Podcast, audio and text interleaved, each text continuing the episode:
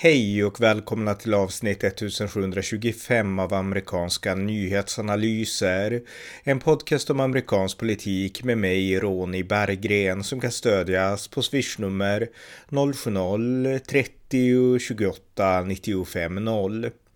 Nu står det klart att Demokraterna med nästan all sannolikhet inte kommer att behålla representanthuset som istället kommer att tas över av Republikanerna, om än med en mycket liten marginal. Samtidigt förlorade Republikanerna möjligheten att vinna senaten och har nu förlorat det viktiga guvernörsvalet i Arizona. Här kommenterar jag de senaste händelserna. Varmt välkomna! Ja, jag tänkte ge en uppdatering om det senaste som rör mellanårsvalen. Eh, det har fortgått ett efterspel därför att det har varit resultat som man har väntat på som inte kom in på valdagen och eh, nu har vi fått veta en del nya saker då. Och eh, det första och mest intressanta det är att Republikanerna nu med all sannolikhet, man kan nog nästan säga till 99 procent eller till 100 procent till och med, de kommer att ta över representanthuset. Ehm, den senaste räkningen från igår, måndagen den 14 november, då hade Republikanerna, då var de bara ett mandat ifrån att få en majoritet i representanthuset. Det finns 435 platser där och för att få en majoritet måste man ha 218 platser. Och enligt gårdagens räkning så hade Republikanerna 217 platser och eh, alltså bara ett mandat ifrån mot Demokraternas 204 platser. Och eh, det är 14 distrikt kvar att räkna och eh, det ter sig i princip helt otroligt att eh, om Republikanerna inte skulle vinna något av de 14 så att Republikanerna kommer att få majoritet kan man säga. Och eh, det innebär att eh, de tar över eh, kammaren då som nu styrs av Demokraterna under ledning av Nancy Pelosi och den fråga som återstår det är om Kevin McCarthy, som alltså är Republikanernas minoritetsledare i representanthuset, om han kommer att ta över och bli ny Speaker of the House.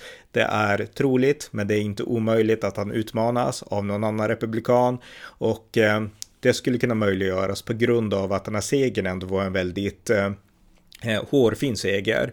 Eh, alltså innan valet, då bedömde ju många, inte bara republikaner utan många objektiva bedömare, att eh, republikanerna skulle svepa in och ta över enormt i representanthuset, den här stora röda republikanska vågen.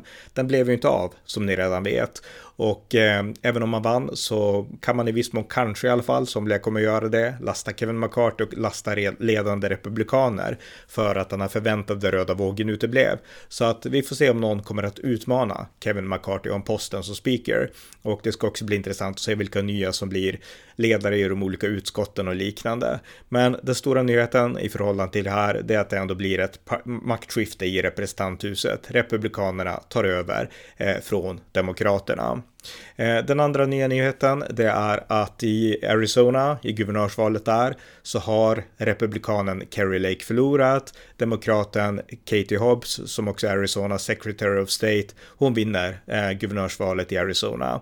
Och eh, det är någonting som hon, Katie Hobbs, inte förtjänar tycker jag, därför att hon har varit en dålig kandidat. Hon vägrat att debattera med Carrie Lake och eh, hon har inte varit liksom eh, framåttänkande eller någonting alls, utan hon vann egentligen bara därför att det fanns laster hos Carrie Lake som jag tror väljarna tog avstånd ifrån. Eh, inte minst Carrie Lakes intrasslande i Trumps valfuskkonspirationer och liknande. Så att eh, det är förståeligt att Katie Hobbs vinner, men det är samtidigt synd för att även om Carrie Lake var ute och cyklade i vissa frågor, så de här frågorna som är väsentliga för de boende i Arizona, en säker gräns, ett, eh, en uppstyrning av hemlösheten, laglösheten, kriminaliteten, där hade Kerry Lake ett tydligt handlingsprogram och jag är inte alls övertygad om att Katie Hobbs och Demokraterna har det. Så att på ett sätt en tragedi för Arizona samtidigt som eh, ja, Republikanerna borde ha vunnit därför att de har patent på sakfrågorna. Så att eh, Kerry Lakes eget fel också och Republikanernas fel att de förlorade. Hade de haft en starkare eh, kandidat än Kerry Lake som hade gått hem hos fler mittenväljare så hade de förmodligen vunnit i det här eh, guvernörsracet då. Men de förlorade och eh, Katie Hobbs blir den nya guvernören då som tar, tar över efter sittande republikanska guvernören Doug Ducey i Arizona. I Los Angeles, som jag poddat om, där pågår ju också ett borgmästarval och där så fanns det, eller finns, en intressant kandidat som heter Rick Caruso som vill vill ta itu med hemlösheten, laglösheten och liknande. Eh, det har varit väldigt jämnt i förhållande, eller mellan honom och eh, demokraten Karen Bass. Men nu läser jag på Los Angeles Times att Karen Bass, demokraten då, hon leder nu med mer än 29 000 röster. Eh, man fortsätter ju räkna där då i det här valet. Och eh, att ledningen ökar tyder på att hon med stor sannolikhet kommer att vinna. Så att Demokraterna kommer att vinna, eller behålla, eller hur man nu ska uttrycka det, guvernörskapet också, eller borgmästerskapet också i Los Angeles. Så att ehm, så ser läget ut i förhållande till de racen. Men den stora snackisen idag, det är såklart inget av det här, utan det är Donald Trump. Därför att i natt, klockan tre på natten svensk tid, natten mot onsdagen, då kommer Trump att hålla ett stort tal i Mar-a-Lago i Florida, hans hem där. Och eh, ingen vet ju exakt vad han kommer att säga, men alla har förmodat att han kommer att pålysa en ny presidentkandidatur. Och eh, det var någonting som tedde sig helt troligt bara för några dagar sedan. Men mellanårsvalen har inte gått så bra och nu har många konservativa börjat vända sig mot Trump. Många har menat att förlusterna i mellanårsvalet beror på Trump. Det beror på att folk är på, trötta på Trump. Det beror på att folk är trötta på Trumps kandidater och eh, deras valkonspirationer och liknande.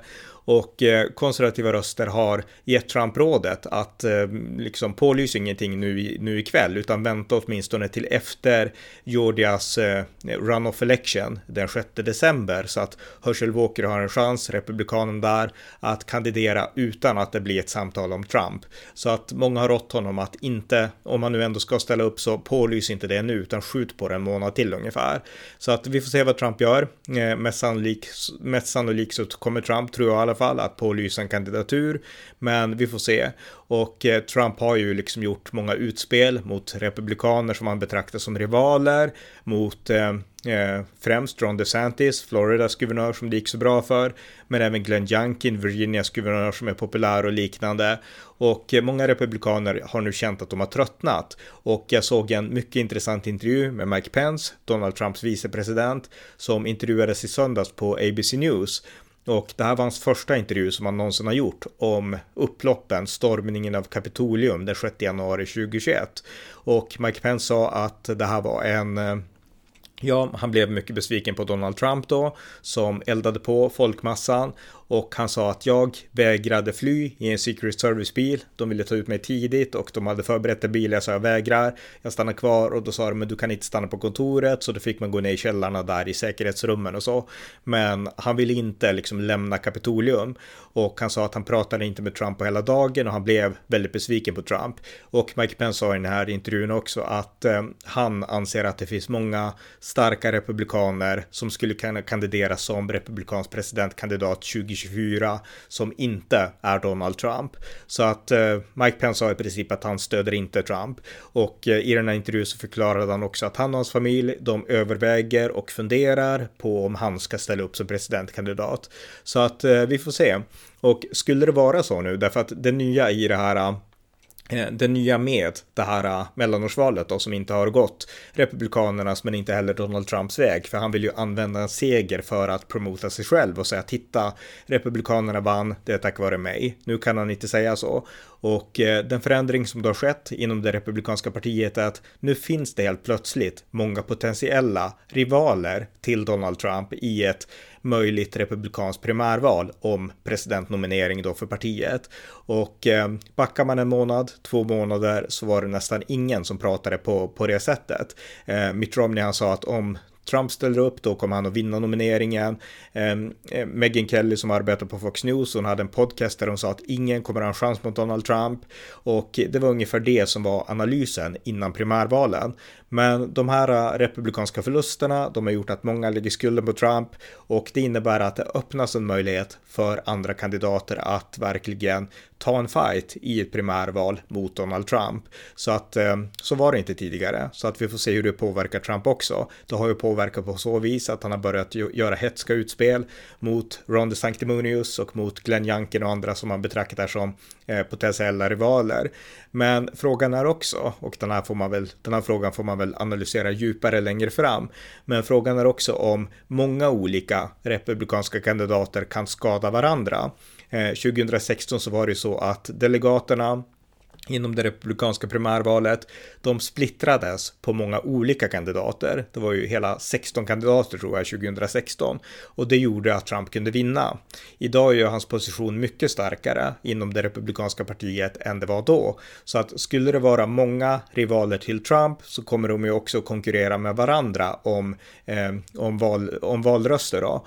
Eh, och eh, det innebär att eh, Trump kanske har en chans att spela ut dem mot varandra i ett nytt primärval, vem vet? Eh, så att eh, frågan är om det inte smartare att partiet enar sig bakom en eller kanske på sin höjd två eh, republikanska primärvalskandidater och låter dem eller den liksom ta en matchup mot Trump istället för att ha 20 kandidater liksom.